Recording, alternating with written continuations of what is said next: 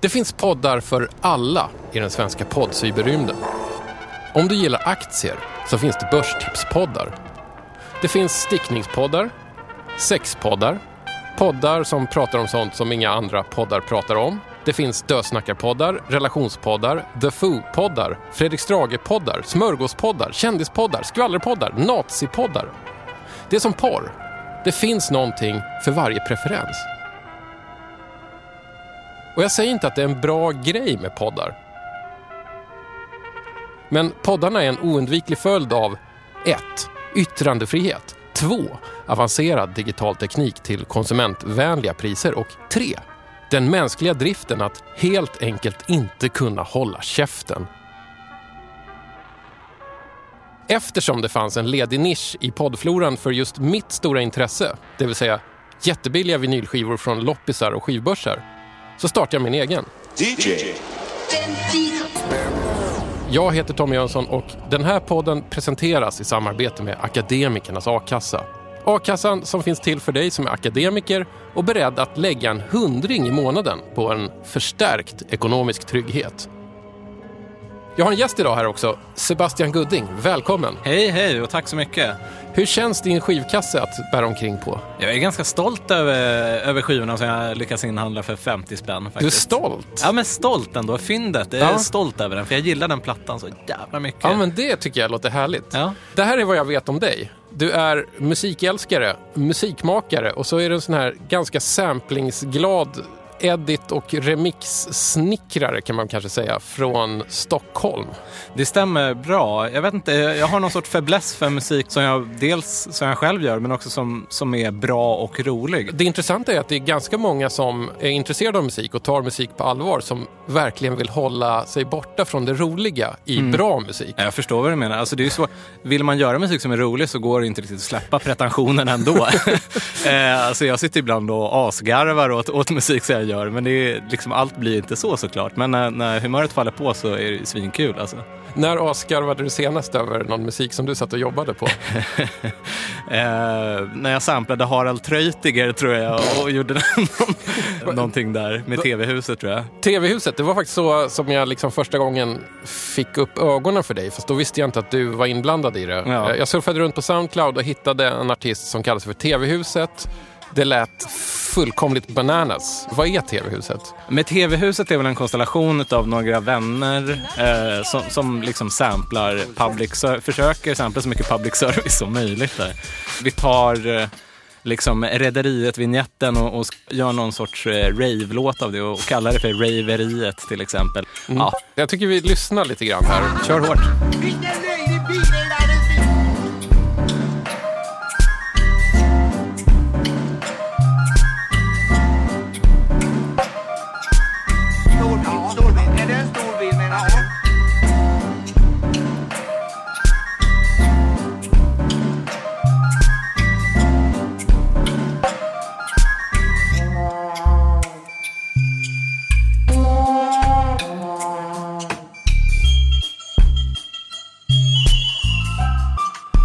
Ja, Sebastian, du får ta och förklara det lite grann. Ja, men det här är ju fem dubplates är fler än fyra elefanter. Brasse toastar.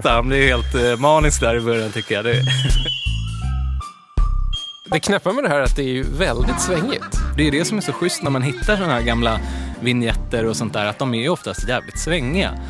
Men, men liksom förvränger man det där och, och tar lite element hit och dit så kan man ju få till någonting helt annorlunda. Det finns men, så mycket som helst.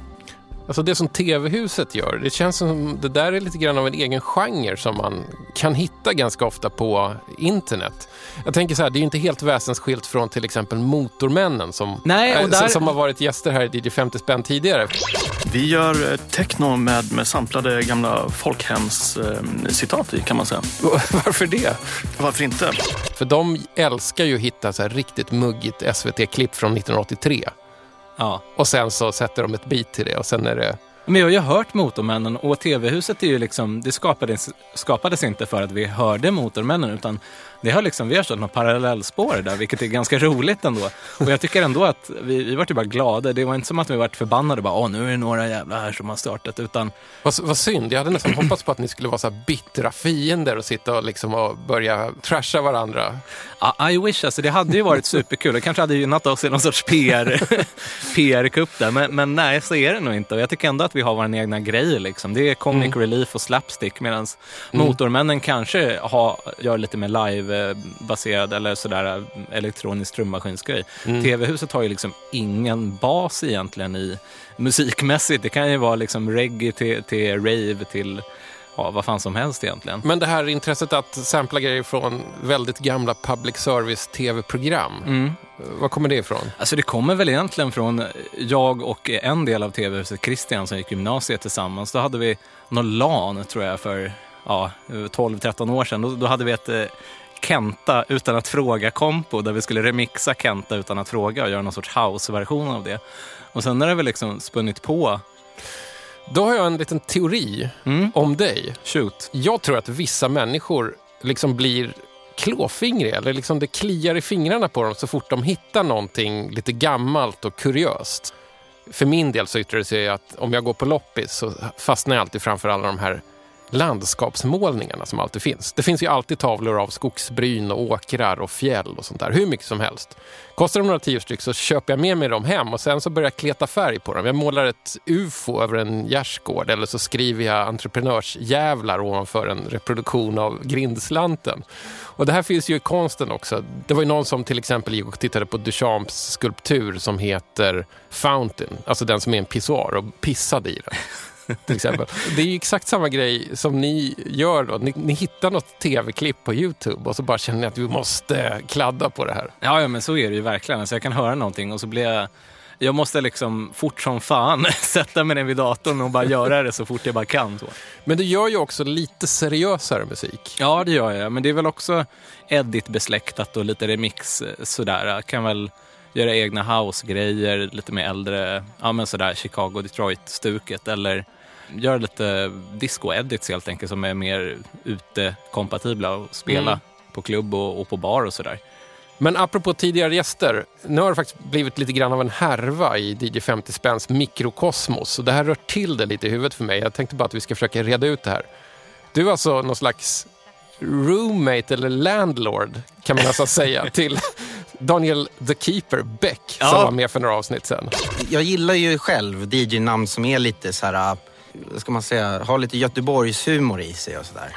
Det stämmer bra det. Ja, men Daniel flyttade in hos mig, så jag hade ett extra rum ledigt. Så då ja, sa Daniel Bäck att han letade efter någonstans eh, att hyra och då fick han hyra ett rum hos mig. Och sen har jag förstått att innan Daniel flyttade in där så bodde du ihop med Kelly Smisk, en annan tidigare gäst.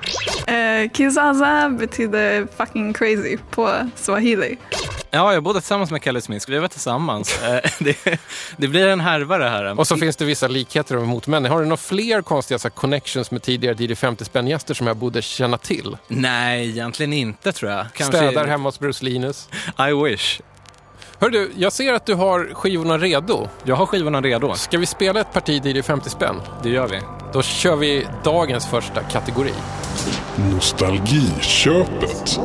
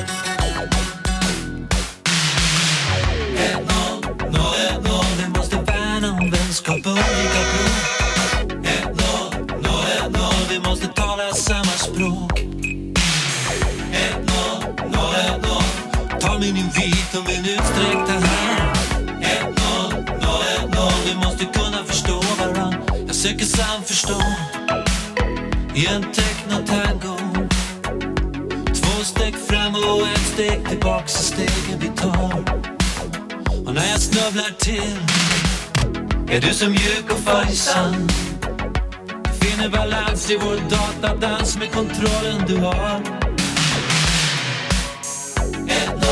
0-1-0, vi måste värna om vänskap och undvika bråk. 1-0, 0-1-0, vi måste tala samma språk. 1-0, 0-1-0, ta min invit och min utsträckta hand. 1-0, 0-1-0, vi måste kunna förstå varann. Dina ord är min lag. Du är så rak och rätt fram. Aldrig lögner som väcker tvivel och tveksamhet. Och varje vilsen dag är du så lugn och förnöjsam. När jag är svag är du med styrka och stabilitet. 1-0, 0-1-0, vi måste värna om vänskap och undvika bråk. 1-0, 0-1-0, vi måste tala samma språk. 1-0, 0-1-0, ta min invit och min utsträckta hand. 1-0, 0-1-0, vi måste kunna förstå varann.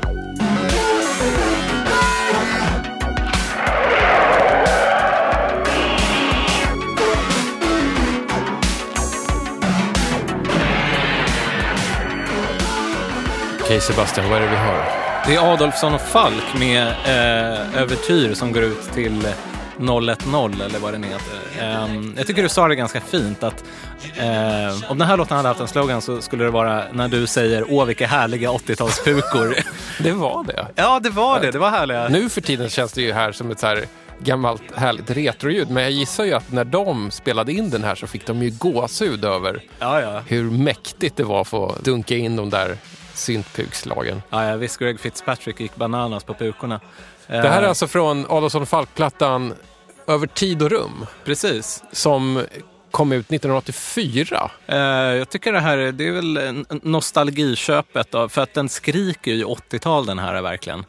Eh, få plattor som verkligen genom, f- får med hela svenska 80-talet i alla Mm. fall som den här plattan. Nu är jag född på 80-talet så jag kanske inte hann uppleva hela det men ja, den tycker jag den talar för sig själv. Alison Falk var ju på något sätt det här synt-popbandet som fanns överallt under hela 80-talet. Skivorna spelades mycket på radio, det kan jag minnas. Sen gjorde de ju jinglar till radioprogram också. Och eh, de lät ju otroligt glassiga. Alltså jag har svårt att sätta fingret på vilka Adolfsson och Falk egentligen är för det finns inte så mycket stoff om dem. Nej, Liksom läser man på Wikipedia så står det mer om eh, Lars-Göran LG Nilsson och Greg Fitzpatrick än vad det står Mm. om Adolfsson och Falk. Och, det är någonting eh, lite opersonligt med, om du till exempel tänker på hur de låter när de sjunger. Ja. Alltså, det är ju fläckfritt sjunget sådär. Det är inte falskt eller det är inte så här uppseendeväckande dålig röst. Men det är heller inget stort uttryck som kommer där och det är ingenting jätteudda. nej, Och sen ser de också helt vanliga ut. och jag får för mig, nu apropå teorier som vi snackade om tidigare, så har jag en teori här att Adolfsson och Falk startades efter värnplikten för båda två. Så att jag misstänker att de har arbetat med radiokommunikation, alltså satt upp telesaker Ja, ja, ja. för Just det. för värnplikten och kanske också sjöng i, i kören där eller något sånt där. Jag misstänker det, men det... Jag har faktiskt inte eh, kollat det jättenoga för att som vanligt när jag skulle läsa på om Adolfsson Falk så började jag istället läsa på om Greg Fitzpatrick som vi nämnde här. Greg Fitzpatrick är alltså mannen med syntarna Ja. i princip. Och han var ju först proggare på 70-talet och gjorde några egna skivor som är rätt kul att lyssna på men som är rejält flummiga. På 80-talet så var han någon slags syntkonsult för hela den svenska artisteliten. Ja, man ser hans namn lite här och där om man läser på baksidan på loppisfynd. Apropå teorier om Adolfsson Falk så har jag en otroligt lös teori om dem. Shoot. Och det har med deras vanlighet att göra och att man på något sätt inte läser på så mycket om dem eller att man inte riktigt vet hur de ser ut. Jag vet inte hur jag ska uttrycka det här men min teori är att de är två jättehyggliga, snälla, trevliga killar som också är med i så Folkpartiet. Det är någonting otroligt så här välkammat och liberalt över dem. Och jag menar inte det som en diss egentligen, utan jag menar det som, som någon form av så här rationell människa som vet hur man för sig, inte tar till några stora överord, helst inte kränker någon om det inte verkligen behövs. Men som heller inte är de här lufsiga vänsterpartisterna eller knuten näve i fickan-sossarna. Det ska vi prata om lite senare. Det, det är någonting liksom liberalt med Adolfsson och Falk. Ja, någonting helt diametralt motsatt till vad Greg Fitzpatrick är någonstans. Förmodligen. Fast Greg Fitzpatrick kanske hade vänt kappen efter vinden på 80-talet. Ja, jag misstänker det. Obs! Otroligt liksom, ogrundade teorier som bara kommer fr- från en sån här gut feeling i mig. Men det är rimligt. Å andra sidan så är jag också glad om jag blir överbevisad. Någon får väl mejla in en Mm. argt brev eller skriva en dagens tistel kanske. Jag ser fram emot att få en dagens tistel. Ja. Jag har faktiskt en riktig så favoritlåt med Adolfsson och Falk. Mm. Det är från skivan Med rymden i blodet tror jag den heter. Ja. Då finns det en lång låt på den som heter Femte Avenyn. Har du hört den? Alltså jag har hört plattan. Jag kan inte sätta fingret på vilken låt det är just nu. Men Nej, men jag tror att det är den enda Adolfsson och Falk-låten som har ett saxofonsolo. Och det här är liksom en så skildring av att åka från downtown Manhattan längre och längre norrut. Liksom, så att de här. Glasfasaderna byts ut mot mer och mer slitna hus när man närmar sig Harlem. Mm. Det är någon slags konstig klasskildring och en så känsla av att man åker taxi genom natten som är fin. Och så på slutet så är det ett ganska så friassande saxsolo som kommer lite grann som så här från offside. Och den är otroligt snyggt producerad också. det låter sexigt alltså. Det är nog kanske det sexigaste de har gjort. Sebastian, nu tycker jag att vi går vidare till dagens andra kategori. Chansningen. Den här plattan är precis en, en sån platta som är chansningen. Man går och, och kollar i någon loppisback och så ser man ett cover på någon, någon svensk gammal platta som ser ut att vara jävligt bra. Och sen så tänker man att det här, när man lyssnar på det så är det skit. Men eh, hör och häpna, jag tror att jag har fått in någonting riktigt bra här. I våra rum står ett magiskt fönster Dit våra blickar riktas var kväll Tysta leken till rutans mönster Av visionen blir man intellektuell. Ja, man kan ju fan i att tänka och tala. Det gör ju TVn åt dig?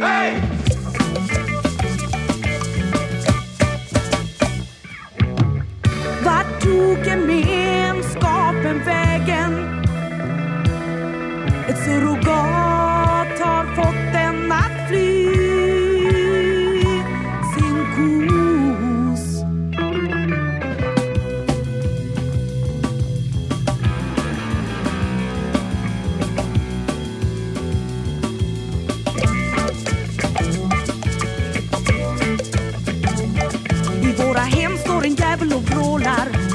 Blåa skuggor dansar på vårt golv.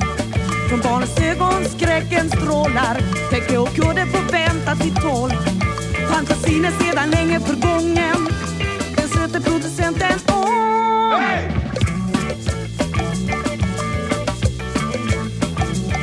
På fyra ben står en låda och tjuter Programmet sedan länge tagit slut. Ingen människa kan säga att hon gläds och njuter Större tomhet man är känd förut fan i att tänka och tala. Det gör ju TVn åt dig.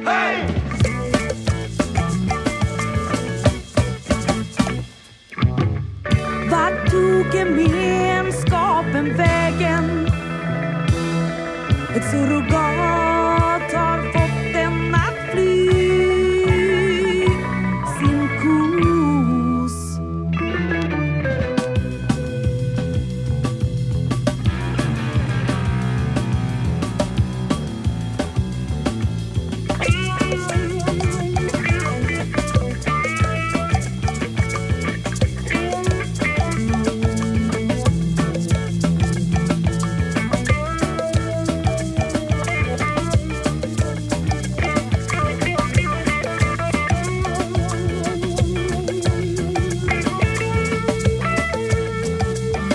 Ja, där groovar Kurres kapell iväg ut mot horisonten. Vart tog gemenskapen vägen? Sjöngs av Maria Östman där, eh, som också är affärsbiträde läser jag innantill i liner notesen. Ja, här sitter Sebastian Gudding med omslaget till Kurres kapells album. Vad heter det nu igen? Kurres kapell. Från... Eh, 77 eller något sånt där. jag förstår precis varför du chansar på den. Det är en fantastisk bild på omslaget. Det är Kurres kapells turnébuss som jag tror är en gammal eh, brandbil stöddigt parkerad över järnvägsspåren och borta vid horisonten så ser man en jättestor industribyggnad som kanske är Bolidens anrikningsverk någonstans i Västerbotten. Jag vet inte, men, det någonting är sånt är det. Rimlig tes ändå tycker jag. Och Den här coveret skriker ju flower power. Det var därför jag köpte den också. Men den var i bra skick också. Bilden är snygg liksom. Mm. Ja, det är Eh. någon slags skymningsljus ser det ut som också, eller så sommarnattsljus. Jag tyckte det där gamla brandbilen och de såg ju så jävla häftiga ut här. Och Kurres kapell, sug på det bandnamnet. Liksom. Det är ju hårt. Man kan ju tro att det är ett så här, eh, band som promotar dragspelet här i världen, men det är ju ett eh, rockband. Kurres kapell är ju ett, jag läser till då, fritidsband bestående av SSU-are från Boliden och Skellefteå i Västerbotten. Så det här är alltså ett gäng fritidsmusiker. Mm. Och jag tycker hela plattan låter ju riktigt proffsig. Jag häpnade lite när jag lyssnade på plattan, för det är många spår som är bra här. Den här låten hade ju ändå någon slags sväng som jag inte riktigt hade väntat mig. Och så fanns det någon liten lätt gitarr som fick mig att tänka väldigt mycket på Doobie Brothers, Long Train Running. Ja, det låter så lite faktiskt. Ja, men det, det är så roligt med den här plattan också. Jag tycker det är så fint att de har fått med vilka titlar de har arbetsmässigt när de inte är fritidsmusiker. Just det, deras yrken är spesade på inneromslaget. Precis. Kurre, då alltså Mm. han som har Kurres kapell, Kurt Söderström, står det att han är anrikningsarbetare. Då jobbar han alltså i gruvindustrin. Precis. Jonny Eriksson är elektriker. Här har vi en reparatör, en studerande, byggnadsarbetare, affärsbiträde och sist men inte minst teletekniker. Parentes, för närvarande arbetslös. Ja, Du var suckar där. ja nej, men jag tänkte så här, är han arbetslös för att han sa upp sig och tänkte satsa på musiken? Eller fick han kicken? Jag vet inte, men Kurres kapell släppte ju bara en platta och gjorde en turné. Så att, eh, ho- hoppas det gick vägen för eh, Christer Lindgren. Jag har faktiskt ingen aning. Men du, det här är alltså SSU-medlemmar. Du drar liksom teorimaskineriet i huvudet här. Min teori som lite grann skjuts i sank här är ju att socialdemokrati och rock inte alls fungerar ihop. Jag vet att jag har en samlingsskiva hemma som är utgiven av SSU med diverse rockband. Och det är säkert 10-12 låtar på den skivan och inte en enda håller måttet. Förlåt att jag bryter. Men är det inte då att det kan vara eh, professionella rockband som spelar in åt SSU, då att det blir någon sorts clash där? Det här var också liksom så här källarband. Gud, jag kan inte komma ihåg vad den här skivan hette. Det är inte Jag värd har, att bara lyssnat, jag har bara lyssnat på den en gång. Men sen tänker jag också så här att äh, det känns som att hela den svenska socialdemokratin, ni hör här, det känns som att, jag har verkligen ingenting att grunda det här på, det här är liksom alternative facts kan vi kalla det. Det känns som att socialdemokratin i Sverige gärna vill bli vad heter det, brandad med rocken. Ja, Kurres kapell här, alltså att de hymlar inte med att, att de är SSU-medlemmar. Sen har vi hela den här moderna saken att Socialdemokraterna nu för tiden är ju ett parti, men det är också någon slags kampanjorganisation för Bruce Springsteen. Alla socialdemokratiska toppolitiker i Sverige vill på något sätt koppla samman med Bruce Springsteen. De approprierar honom. Och jag tycker inte att det liksom är riktigt... Det klaffar liksom inte. nej men man kan väl kalla det för SSU-rock då. Jag tycker vi Ja. lanserar den Ja, genren. jag ser på dig här, du är jättepositiv här. Du, du tycker inte alls att det är något konstigt med att de här fritidsmusikerna också så här lablar sig själva som SSU och ger ut en svängig rockplatta. Du tycker liksom inte att det klingar falskt. Men Nej, jag, får, jag får inte ihop det. Ja, jag förstår det. Alltså, som sagt, det, det mesta SSU, tidigare SSU-rocken kanske, eller senare, kanske inte var så då, men fan den här plattan sätter praxis tycker jag. Den håller måttet. Ja, som jag sa förut, jag är glad om jag blir motbevisad. Jag känner mig lite motbevisad här av Kurres kapell. Har du någon aning om vad som blev av eh, musikerna i Kurres kapell? Nej, jag vet faktiskt inte. Mm. Apropå socialdemokrati så har jag ganska mycket av en sån här bitter gammel sosse inom mig. Så jag blir glad av att se att den här skivan också är utgiven på skivbolaget A-disk. Eller A-disk, jag vet inte vad det ska heta. Det är alltså den svenska arbetarrörelsens eget skivbolag som de drev på 70-talet. Som inte är ett så dumt skivbolag. Jag köpte en jazzskiva med Dick Gylander Quintet utgiven på A-disk. Aldrig hört talas om dem. Det var jättebra Ah, så här, 40 år senare kommer här props till A-disk. Sätt igång igen. jag hade problem med A och B-sidan när jag läste A-disk. Ja, nu fattar jag. Ja, det är klart att det blir konstigt att A-disk och sen tänker man vänder på det så ska det stå B-disk. Nej, men det står också A-disk. ja, men jag fattade inte att det var skivbolaget där förrän jag läste lite. Av alla andra spår på den här skivan, vilka är hårdast? De har ju bra namn, alltså låtarna. Allan, Långväga Sven, Gruvan, Klasskamp, Elsa, Ja. USA, dagen efter, TV. TV var den låten vi hörde nyss. Precis. Semestervecka i Brutorp. Veckopressrock. Det är pengarna som styr. Gruvan och tågblues är ju favoriter. De är fan bra. Alltså, det här är någonting som jag skulle kunna spela ute, Ja, känner jag. jag är väldigt glad att jag fick höra Kurres kapell. Det, och jag känner mig faktiskt lite motbevisad. Nu, nu mår jag lite dåligt över att jag blästade sossarna så mycket för att de försöker göra någonting av rocken. Men det, du fattar vad jag menar. Det är en känsla man har att när någonting kanske inte riktigt klaffar. Ja, ja, men jag tycker Kurres kapellplattan, när vi lyssnade på, blästar tillbaka där. Så att det, det, ja. Jag slickar mina sår här medan vi lyssnar på nästa skiva. Det har blivit dags för Skivbörsklassikern.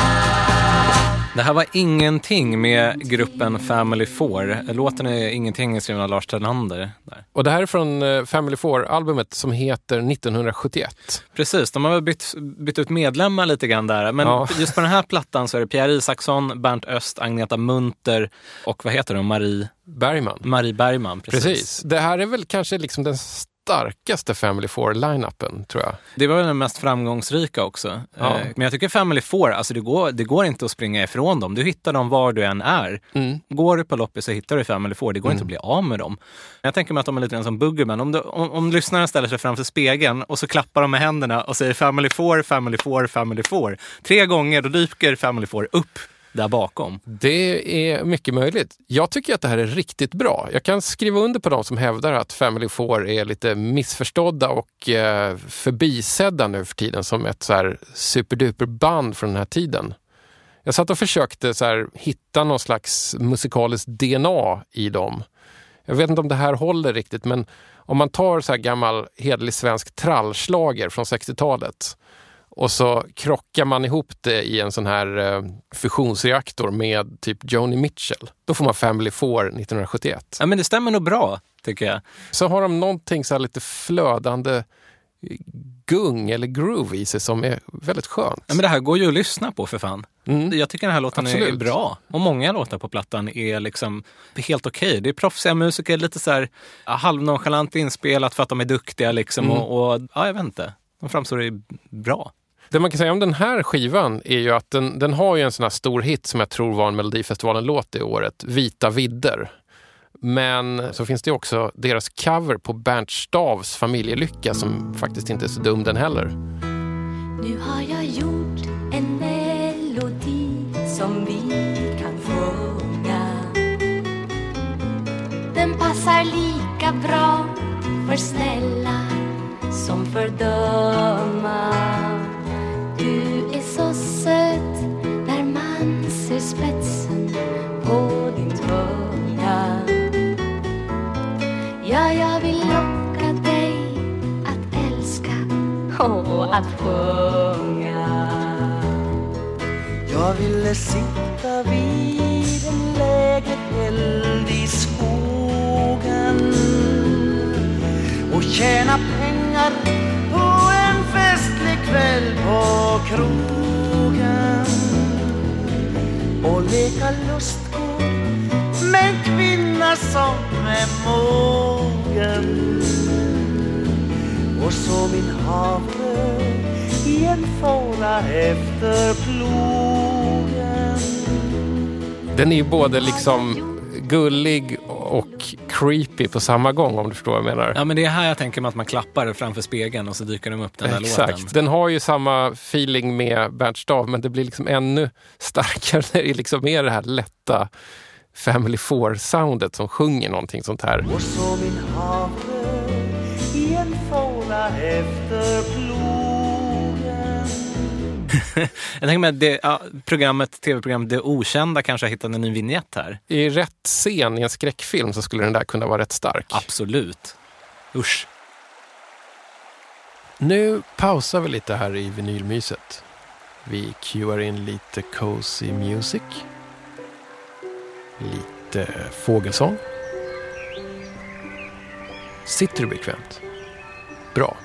För här kommer lite viktig info om programmet som du har laddat ner. DJ 50 spänn är en produktion som görs vid sidan om mina vanliga jobb. Ofta på kvällar, ofta på nätter. De tre första åren gjordes DJ 50 spänn utan en enda krona i budget. Så all arbetstid, hyra för serverplats, musiklicens till STIM, alla 50-lappar till gästerna, resor, nålar till skivspelaren och så vidare. Det är resurser som har tagits ur egen ficka. Och jag säger inte det här för att gnälla, utan för att jag vill att du som lyssnar ska förstå att det här är en Indias fack-produktion. Totalt fristående. Som alltså inte badar i en fet budget. Men den viktiga grejen är att jag älskar det här programmet. Det är otroligt roligt att göra det. Och det är fantastiskt att ni är så många som lyssnar och följer mig och hör av er och engagerar er. Jag vill att det ska fortsätta vara så här hela vägen in i evigheten. Även om myspysig melodiradio med stendöda loppisplattor är en rätt så jävla okommersiell idé. Sen i november 2016 så har jag en sponsor för podden. Det är Akademikernas a-kassa. Det är en a-kassa för dig som har tagit minst 180 högskolepoäng eller alternativt 120 poäng om du avslutade studierna innan 2007. Medlemskapet kostar bara 100 kronor i månaden och det är ett bra pris för en förstärkt ekonomisk trygghet. Du som lyssnar vet lika väl som jag att arbetslivet kan ta ganska nasty utsvängar som man inte alltid själv kan påverka. Så om du är akademiker och letar efter en a-kassa för dig, gå med i Akademikernas a-kassa. Och berätta att DJ 50 spänn inspirerar dig till att bli medlem. Det gör du i sociala medier. Hashtagga med hashtag DJ 50 spänn och skriv det. Eller så skriver du det när du skickar in din medlemsansökan. Och hur du blir medlem, det läser du på aea.se. Det är Akademikernas a-kassas sajt. aea.se. Det är adressen alltså. Men varför ska ni berätta att DJ 50 spänn pushade er till att gå med? Jo, för att då ser Akademikernas a-kassa att deras sponsring ger effekt. Och då kommer de kanske vilja förlänga sponsringen av DJ 50 spänn. Och då kan podden fortsätta att leva frodas med så här hög kvalitet och så här hög utgivningstakt. Ja, det blev lite långt där. Kanske lite blödigt till och med. Men jag hoppas att ni förstår varför det här är viktigt. Men nu hoppar vi tillbaks till veckans DJ 50 spänn med house och edit-makaren Sebastian Gudding. Sebastian, du vet ju att det finns en total så här slumpfaktor som alltid är med i DJ 50 spänn. Jajamän. Det är när jag säger att gästen ska gå till en skivback där man vet att det finns billiga skivor och liksom blunda och bläddra fram en. Oh ja. Random Access Vinyl. Jag har faktiskt tänkt att den här förr eller senare skulle dyka upp som en just random. Ja, det gjorde den ju. Var du glad eller ledsen? Jag var ganska glad, men jag läste ju fel. Alltså, jag var ju förblindad av alla svenska ordvitsband som fanns. Så jag läste ju The Knacks. liksom kurrande knackers tänkte jag instinktivt.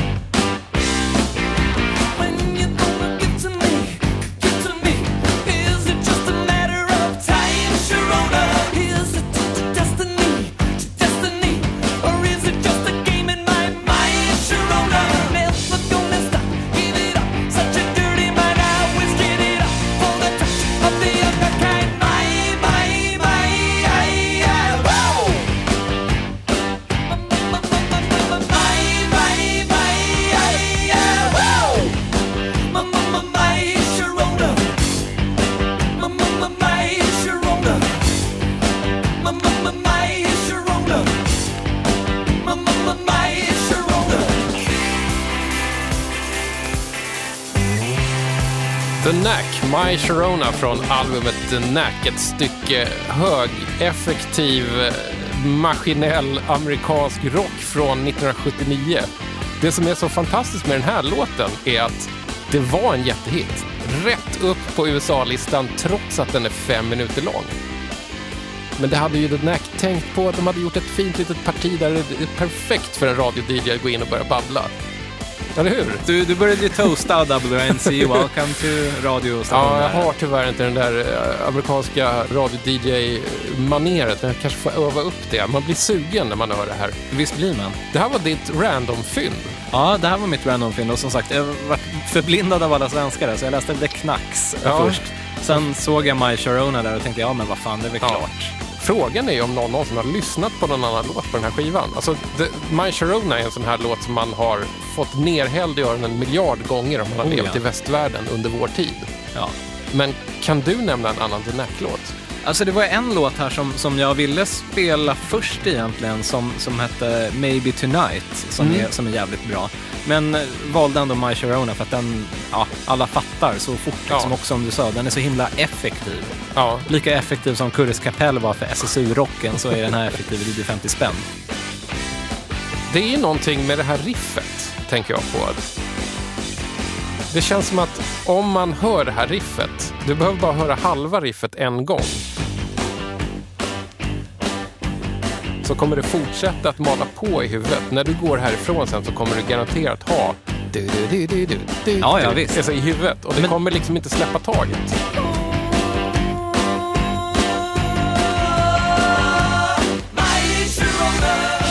Ja, men det här är den vignett, vignett, introvinjetten som alla människor vill ha när de går in på jobbet. Liksom. Det här är så generell vignettmusik för alla. Man stämplar in, sätter sig vid datorn och börjar fylla i ett Excel-ark. Ja, ja, till tonen visst. av My Sharona. Absolut. Och så kan Curtis Capell få vara vignett för Scania där när man stämplar in. Kanske är det här riffet det närmaste mänskligheten någonsin kommer komma en sån här evighetsmaskin. Det bara mal på, det mal på, det mal på. Det går inte att stoppa det.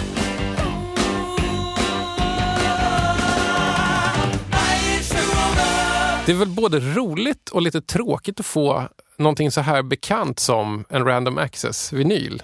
Ja. Tänk dig att du skulle kunna fått vilken skiva som helst i, i världen och så är det liksom the knack som skivbörsguden ger till dig. Alltså jag tänkte väl någon sorts sketen eh, orkestersymfoni-pryl. Jag vet Ja, Motormännen skulle där kunna hade ju lite någon eh, tysk eh, orkester.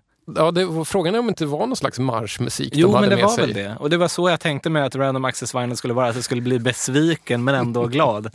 Men det här var ju bra alltså. Har du någon relation överhuvudtaget till det här bandet, The Knack? Nej, egentligen inte förutom det där riffet. Mm. Det får mig bara tänka på att mina drömgäster i DJ 50 spänn, de finns tyvärr inte i verkligheten. Jag skulle liksom vilja teleportera mig in i tvn och så skulle jag vilja ge 50 spänn till Beavis and Butthead och be dem köpa skivor åt mig bara för att det skulle vara så härligt att höra när de langar på den här. Vilken kategori hade de? Tror du att det här hade varit Random Access Vinyl för dem? Alltså Eller de, hand- de hade ju lyckats hitta en metalplatta som fyndet. Såklart. Och sen hade det här kanske varit deras nostalgiköp. Faktiskt. Men jag förväntade mig faktiskt att få Family 4-plattan som Random Ja, Access Vinyl också. jag förstår det. Den Det hade är varit också- roligt om det hade kommit mer än två gånger.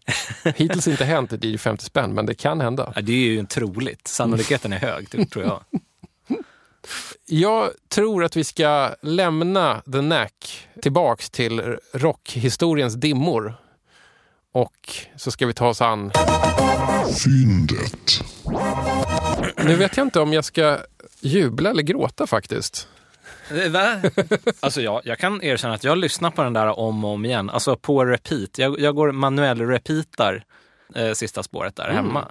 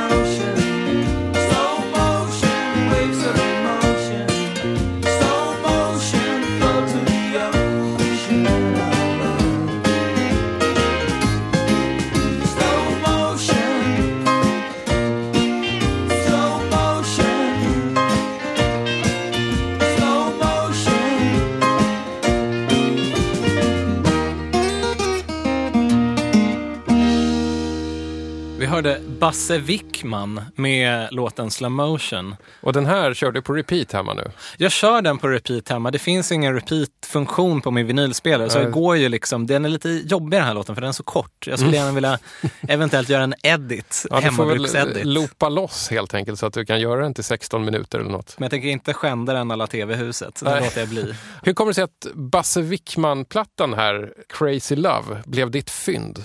Mycket därför att eh, jag såg att Micke Rickfors har producerat den. Och jag menar, nästan allt som Micke Rickfors rör vid blir ju guld, tycker jag i alla fall, när han sitter bakom spakarna och producerar det. Var det inte så att Micke Rickfors var en av de här som var liksom lite sådär vad ska vi säga, producenter med liten fot i discolägret och en liten fot i rocklägret som kunde göra bra grejer av det här i Sverige. Absolut. Man har också proddat Roger Rönning och sådär. Sånt som man hör, alltså det här spelas ju, kanske inte just Basse Wickman, men mycket Rickfors-proddar spelas väl ute ibland på barer. Alltså Mm. man hör någon DJ som är Mm. lite insatt så. När man gräver gammal loppisvinyl och, och sådär så får man ju gå på producenter i och med att det är så spritt Mm. överallt Mm. egentligen. Och ofta inom svensk pop och rockmusik tycker jag man, man ser återkommande. Och där kan man ju göra en bedömning, liksom. förutom coveret då, som oftast, eh, ser man ett bra cover så är det förmodligen skit oftast. eh, men, men hittar man en producent som, som man vet har haft ett finger med i spelet så kan det ofta vara bra. Ja. Varför tycker du att det här är så bra? Jag vet inte vad det är, men det låter som att Basse Wickman är liksom kärleksbarnet av Buzz Lightyear från Toy Story och Mick Jagger. Tycker du inte det? got a friend in me. You got a friend in me. When the road looks rough ahead and you're miles and miles from your nice warm bed. You just remember what your old pal said. Boy, you got a friend in me. Yeah, you've got a friend in me. Så, men jag hörde ju också någonting sådär, du vet, 70-tals singer-songwriter som har möjligheten att spela in i en fin studio. Ja. Den grejen, alltså lite åt någon slags västkust-feeling i Ja, det men här. visst, det är ju lite country men ändå liksom den är riktigt fin den här plattan. Och, eh, alltså, nästan alla låtar är jävligt bra tycker jag. Vad gillar du mer om, om vi så letar bland så svensk musik från den här tiden? Jag går nog igång på sådana låtar som är fulsnygga. Mm. Förstår du vad jag menar? Alltså låten kanske inte är så bra, plattan kanske inte är så jävla bra, men det finns en, en eh, raffig basgång där eller någonting som liksom ändå gör det utekompatibelt eller liksom spelbart. Mm. Och då spelar jag gärna den, även om den kanske är lite fjantig. Liksom. Men kanske är något kristet eller kanske är något sånt där som ja, var egentligen tänkt för någon, någon annan kontext. Men det är Mm. väl det jag gillar. Hur mycket spelar du ute? Det blir nästan varje vecka i alla fall på lite barer och sånt där. Men Mm. det, jag har ju dagsjobb liksom så man får ju lyxen att välja lite vilka man vill spela på och sådär. Jag brukar ju alltid vara ganska snabb att dra en lans för bar-DJen. Jag Mm. vet att i, i liksom någon slags DJ-universum så kanske inte alltid bar-DJen är den creddigaste eller liksom den mest ansedda. Men jag brukar alltid hävda att bar-DJen behöver inte få ett dansgolv att koka i varje ögonblick. Så därför kan bar-DJen vara den här perfekta portalfiguren för att introducera helt ny musik. Ny också på det sättet att den inte måste ha ett drivande beat. Eller, som jag tycker är nästan det härligaste, att de är de bästa på att presentera ny gammal musik som man inte har hört förut. Precis, och jag har ju någonstans, jag började nog med att spela mycket dansgolv och sånt där eh, för, för många år sedan, men sen har jag vänt kappan åt bar-DJ-hållet för att jag tycker att jag har som roligast då och man får liksom möjligheten att överraska som mest. Vad lägger du på när det blir peak hour i baren? Oj. Det blir väl någon sån där cosmic, eh, någon, någon sorts random cosmic eh, låt som är lite mera sjuk, tror jag. Någon library kanske. Jag har ju någon sån här gammal Fiat Ritmo-promo som de alltså lanserade i samband med Fiat Ritmo-bilen på 70-talet. Hur låter det? Eh, det låter jävligt drivigt alltså. Mycket syntar och jävligt knasigt alltså. Är det lika ettrigt som en Fiat? Ja, det, jag tror det också. Jag förstår att din nuvarande liksom roommate, eh, inneboende sambo, eh, att ni, liksom, ni är som gjorda för varandra. Ja, ja visst. Det är Och fantastiskt Att ni vakna. kan sitta och spela någon konstig, okänd italiensk kompositör för att lansera den nya Fiat Ritmon för varandra. Sebastian, vet du vad? Vi är nästan vid målsnöret nu. Ja. Det går ganska snabbt när man spelar loppisvinyl för varandra. Vad händer i eh, ditt musikproducerande liv framöver? Jag håller på och startar en liten house-etikett själv. Eh, En Mhm. liten sån här, eh, ja vad blir det för house? Mer så här slutet på 90-tals eh, sa- sample-baserad house liksom. Mycket discoloopar och någon 909 som smattrar. Mm. En sån eh, house-etikett som heter Biggest District. Inte Biggest, utan Bigges. Jag tänker på Bigges grill i Fruängen, men det har ingenting med den att göra. Men det är det som också blir roligt, att jag funderar på att fota av Bigges grill i Fruängen och då sätta som någon sorts B-side-etikett där. Får väl snacka med dem och göra någon deal. Har du någon djup relation till det, till det snabbmatshaket? Ingen alls, men det är ett jävligt roligt namn. Jag tycker att det känns nästan lite hiphop om jag ska vara ärlig. Eller hur? Ja, men det är väl det, housen är väl lite hiphop, just den där sample MPC-housen. Liksom. Mm. Den är ju väldigt nära besläktad med hiphopen Mm. tycker jag. Och så blev det väl lite eh, allmänt eh, TV-huset-trams och, och Mm. sånt framöver. Ni håller ju ganska högt tempo på TV-huset Tramset. Ja, ja visst. Och det är det som är så skönt när man gör så här, jag vet inte, slapstick-musik. Att det, det kan gå hur fort som helst. Man kan göra en låt på en halvtimme och sen så kommer nästa person i tv-huset och gör en till låt dagen efter. Och så kan vi bara fortsätta pumpa ut liksom, tracks. För att det är roligt. Du som lyssnar som eh, fick lite blodad tand i örat av TV-huset tidigare, kolla in dem på Soundcloud. Jag kommer länka från sajten också såklart. Eh, nu har jag nästan pratat med Hes här så jag passar på att dra lite eftertexter och viktig info om programmet här. För jag har förstått att många av er som lyssnar, ni stänger av när den västtyska avslutningen i varje DJ 50 spänn kommer. Och då kan inte jag ha eftertexterna över slutmusiken, hur mysigt det är när jag pratar över partymusik med svinmycket blås och kongas. Anledningen till att jag vet att ni stänger av när James Last börjar spela är att jag nyss gjorde en lyssnarundersökning och då, till min förskräckelse, så skrev alltså fler stycken av er att ni inte gillar avslutningsritualen med James Last längre. Alltså tack för att ni svarade på enkäten, jag sätter enormt värde på det. Men Jesus fucking Christ, hatar ni musik eller? Det kommer fortsätta bli västtysk musik i slutet av varje avsnitt så länge lagret räcker och det lagret det räcker jävligt länge. Anyway, här är eftertexterna. DJ 50 spänn produceras och programleds av mig och jag heter Tommy Jönsson. Produktionsbolaget heter Rundfunk Media och studion hyrde vi från Beppo ljudproduktion. Den här podden görs i samarbete med Akademikernas a-kassa. Har du skrapat ihop 180 högskolepoäng och knegar utan att tänka på din ekonomiska trygghet i händelse av arbetslöshet? Ja, men gå med i Akademikernas a-kassa, goddammit! Och berätta för dem på sociala medier att det var DJ 50 spänn som inspirerade dig till det. Använd i så fall hashtaggen hashtag DJ 50 spänn. Kontakt är kul, så skriv till mig. E-postadressen är hej 50 spannse på Twitter heter jag snabela DJ50spann och på Instagram heter jag också snabela DJ50spann. Det finns en mysig Facebookgrupp att lajka. Du kan också köpa en fräsig tygkasse av mig. Gå i så fall in på webbsajten dj50spann.se och så får du info om hur du gör det. Sätt gärna fem stjärnor och recensera podden med några ord på iTunes Store. Och du, fortsätt köpa billiga begagnade skivor. Och fortsätt köpa dyra begagnade skivor och köp nya skivor. Överhuvudtaget, fortsätt köpa musik. Äg musik. Hyr den inte av ett teknikföretag utan äg den och ha den hemma i hyllan. Du kommer tacka mig en vacker dag. Huh.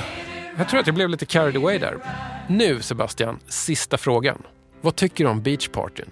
Älskar Beach Party. Vad bra, jag hoppas att du kommer gilla James Last Beach Party 4 för det blir eh, din hejdå-skiva härifrån. Ah. Hoppas den är lika bra som Kurres kapell. Vi får se. Om ni undrar vilken James Last Beach Party-platta jag spelar nu så är det den där de, hela bandet står på någon slags flotte. Ja, fråga inte. Nu kanske någon lyssnare tänker, aha, det är nummer fyra. Det finns ju sjuka människor där ute. Ja. Sebastian, jag är väldigt glad att du kom hit. Jag gillade din lilla skivhög jättemycket. Det var väldigt roligt. Tack. Ja, men jag, som sagt, jag kommer hit stolt med de här skivorna och jag lämnar stolt också med Beach Party 4. Tack för att du var med. Tack så jättemycket.